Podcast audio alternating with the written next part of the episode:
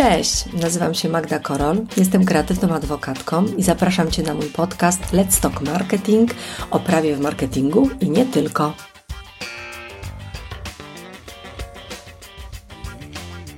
O czym Ci dziś opowiem? Tematem dzisiejszego odcinka będą trzy kwestie, o które warto zadbać w firmie w tak zwanych trudnych czasach. Te trzy kwestie, o których chciałam Cię z Tobą porozmawiać, to przede wszystkim dobre umowy, prawa autorskie i cash flow. To są te trzy rzeczy, o które w mojej ocenie musisz zadbać, prowadząc agencję marketingową, żeby przygotować się na tak zwane trudne czasy. Tak jak już głosił tytuł odcinka mojego podcastu, te trzy rzeczy, na które warto się przygotować na tak zwane trudne czasy. I pomijając już fakt, czy te trudne czasy są, czy ich nie ma, bo cały czas rozmawiam z Wami na bieżąco i od jednych CEO agencji słyszę, że jest ciężko i naprawdę ten kryzys jest odczuwalny. Z drugiej strony od innych słyszę Magda, jaki kryzys? Więc e, zastanawiam się, jak to jest u Was, ale nie zmienia to faktu, że na pewno, biorąc pod uwagę sytuację gospodarczą, odczujemy pewnego rodzaju, jak nie kryzys, to chociaż dyskomfort w prowadzeniu działalności gospodarczej. Wiem, e, co mówię, sama jestem przedsiębiorcą i stąd właśnie postanowiłam nagrać ten odcinek i w zasadzie jest to pierwszy odcinek mojego podcastu. I wydaje mi się, że jest on dość ważny. I chciałam omówić e, dzisiaj z Tobą trzy kwestie. Przede wszystkim kwestie umów, kwestie praw autorskich i kwestie cash flow, czyli tego, w jaki sposób zabezpieczyć się przed utratą płynności finansowej. Ale zaczynając od początku, umowy. Umowy z klientem, ale również umowy z podwykonawcami, umowy z freelansami i wszystkie umowy, które agencja zawiera e, na co dzień, warto się im przyjrzeć. Umowom poświęcę oczywiście jeszcze kolejne, nie jeden pewnie odcinek mojego podcastu, ale to, na co chciałabym, żebyś zwrócił, zwróciła uwagę w pierwszej kolejności, to jak wyglądają Twoje umowy. Czy naprawdę poświęciłeś, poświęciłaś im czas, żeby przygotować dobre umowy? Umowy, które Cię zabezpieczają, które nie są jakimś szymlem ściągniętym z internetu, albo broń Boże, narosłą jakąś hybrydą przez lata, gdzie każdy z klientów wrzucał swoje uwagi, tak jak te kamyczki do ogródka, i tak naprawdę ten ogródek jest już zasypany tymi kamieniami, i ta umowa dawno straciła sens. Warto się przyjrzeć takiej umowie, zrobić tak zwany audyt. Bardzo do tego zachęcam, dlatego że ta umowa to jest pierwsza rzecz, do której będziecie sięgać w razie, gdyby coś w biznesie Wam nie poszło, gdyby coś z klientem było nie halo, gdyby coś z Waszym podwykonawcą nagle nie zagrało, bo nie bez kozery mówi się, że umowy się pisze na złe czasy. I ja wiem, że Wy tych umów się boicie, że się stresujecie, że one napawają Was pewnego rodzaju lękiem. Natomiast umów nie należy się bać. I od razu chcę tutaj powiedzieć, że umowy powinny być pisane naprawdę prostym, zrozumiałym językiem. Trochę się powymądrzam i powiem, że taka wykładnia, która przyświeca umową, to wykładnia językowa, czyli umowa powinna brzmieć dokładnie tak, jak mówimy a że my prawnicy mamy tendencję do wrzucania pewnych wyszukanych, czasami nawet wydumanych słów w te umowy, często one stają się niezrozumiałe dla klientów. Więc drogi kliencie, droga agencja, drogi CEO i ktokolwiek mnie słucha, jeżeli jakiegoś przepisu, jakiegoś postanowienia w umowie nie rozumiesz, to znaczy, że to postanowienie jest źle sformułowane, nie dlatego, że ty po prostu musisz się w jakiś sposób doktoryzować, żeby je zrozumieć. Więc to jest taki mój protip. Natomiast bardzo, bardzo zachęcam Was mimo wszystko do formalizowania i do podpisywania tych umów. Dlatego, że nie wystarczy faktura, bo później jak zadbasz o to, jak wykażesz, jakie były ustalenia w tej umowie. Nie wystarczy jakieś zlecenie, zamówienie bądź ustalenia na maila. Umowa, która jest wypaczona i zawiera w sobie sprzeczne postanowienia, również nie jest dobrą umową. Pamiętaj o tym. I to, co ważne, sposób podpisania tej umowy. Wymianka skanów w sytuacji, kiedy przenosisz content, czyli prawa autorskie, nie jest dobrym pomysłem. O tym będę mówiła pewnie jeszcze niejednokrotnie, ale pamiętaj, że przenosząc prawa autorskie na klienta, musisz to zrobić pod rygorem nieważności na piśmie. Ale o tym za chwilę, bo przechodzę do drugiej kwestii, którą chciałam z Tobą omówić, czyli do praw autorskich. I tak naprawdę bardzo często spotykam się z takim zapytaniem, kiedy te prawa autorskie przenosić. O ile w ogóle zwracacie uwagę na to, kiedy w Waszych umowach przenosicie te prawa autorskie. I dlatego proszę, zerknijcie teraz do Waszego wzoru i zobaczcie, kiedy następuje u Was w umowie moment przeniesienia praw autorskich. Momenty są dwa. Albo jest to w momencie przekazania materiału, jakiegoś, nie wiem, kontentu, jakiegoś key visuala, jakichś innych materiałów, nazwijmy to twórczych, albo jest to moment zapłaty ceny. Jeżeli byłabym szefem agencji albo jego doradcą, prawą ręką i prawniczką, mecenaską, a nie męczynaską, to powiedziałabym, drogi CEO, pamiętaj o tym, żeby zagwarantować sobie, że przeniesienie tych praw autorskich na klienta, a więc również jego wykorzystywanie już w, w działalności klienta powinno nastąpić dopiero po zapłacie całości ceny.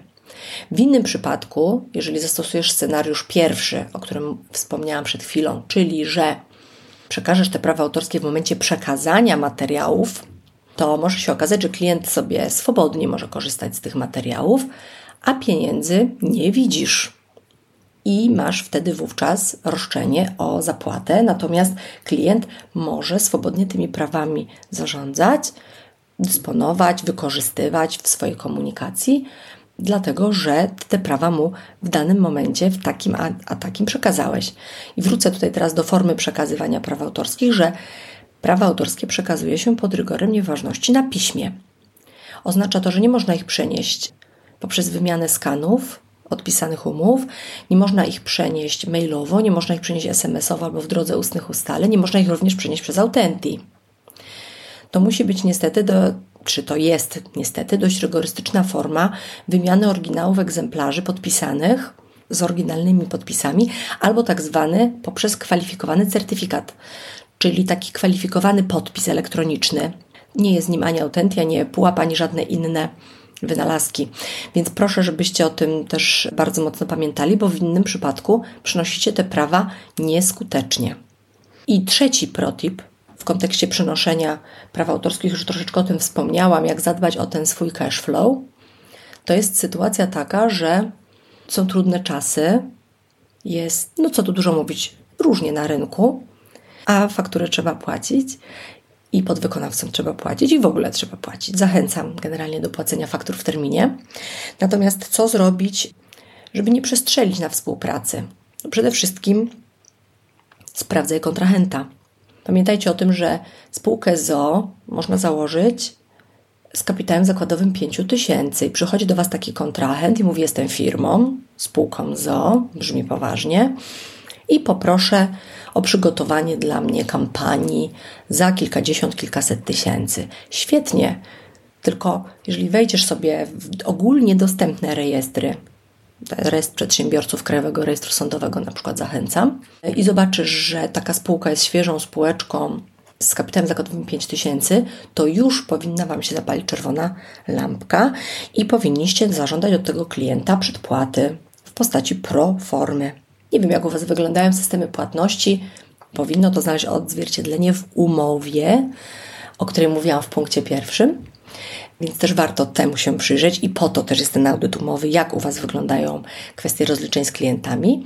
Ale jeżeli macie możliwość, tylko macie możliwość brać wynagrodzenie z góry, nawet w 50% na zasadzie proformy, która nie jest dokumentem księgowym i która nie obliguje Was do odprowadzenia podatku VAT w momencie wystawienia takiej proformy, co jest bardzo w mojej ocenie korzystne, róbcie to. Zachęcam Was bardzo serdecznie. I tutaj odwołam się do takiego ciekawego powiedzenia, które kiedyś usłyszałam i które bardzo polubiłam i które stosuję w swojej działalności, że do kogo masz większe zaufanie? Do siebie i do swojego zespołu, że dobrze zrobisz robotę, czy do klienta, z którym być może dopiero zaczynasz współpracę i nie masz żadnej relacji, że ci tę fakturę zapłaci? Zostawiam Was z tą myślą. Co jeszcze mogłabym polecić? Poleciłabym Wam zastanowienie się nad tym, jak działają u Was procedury windykacyjne. Dlatego, że Słowo windykacja brzmi tak górnolotnie, a może nawet brzydko i kojarzy się z różnego rodzaju działaniami na pograniczu prawa. Natomiast w mojej ocenie każdy przedsiębiorca powinien jednak mieć opracowaną taką procedurę, że ile dni po opóźnieniu w płatności idzie pierwszy monit do klienta, ile jest tych monitów I finalnie, kiedy idzie wezwanie do zapłaty i kiedy jesteśmy zdeterminowani, zdecydowani pójść do sądu. Tutaj kolejny protip w kontekście wezwania do zapłaty. Warto mieć taki wzór takiego wezwania, które powinno zgodnie z obowiązującymi przepisami być jedno. Także jeżeli jesteście zdecydowani pójść do sądu o płatność, która Wam się należy, którą macie dobrze udokumentowaną z umowy, proszę Was, przygotujcie sobie taki wzór wezwania, które musi być jedno.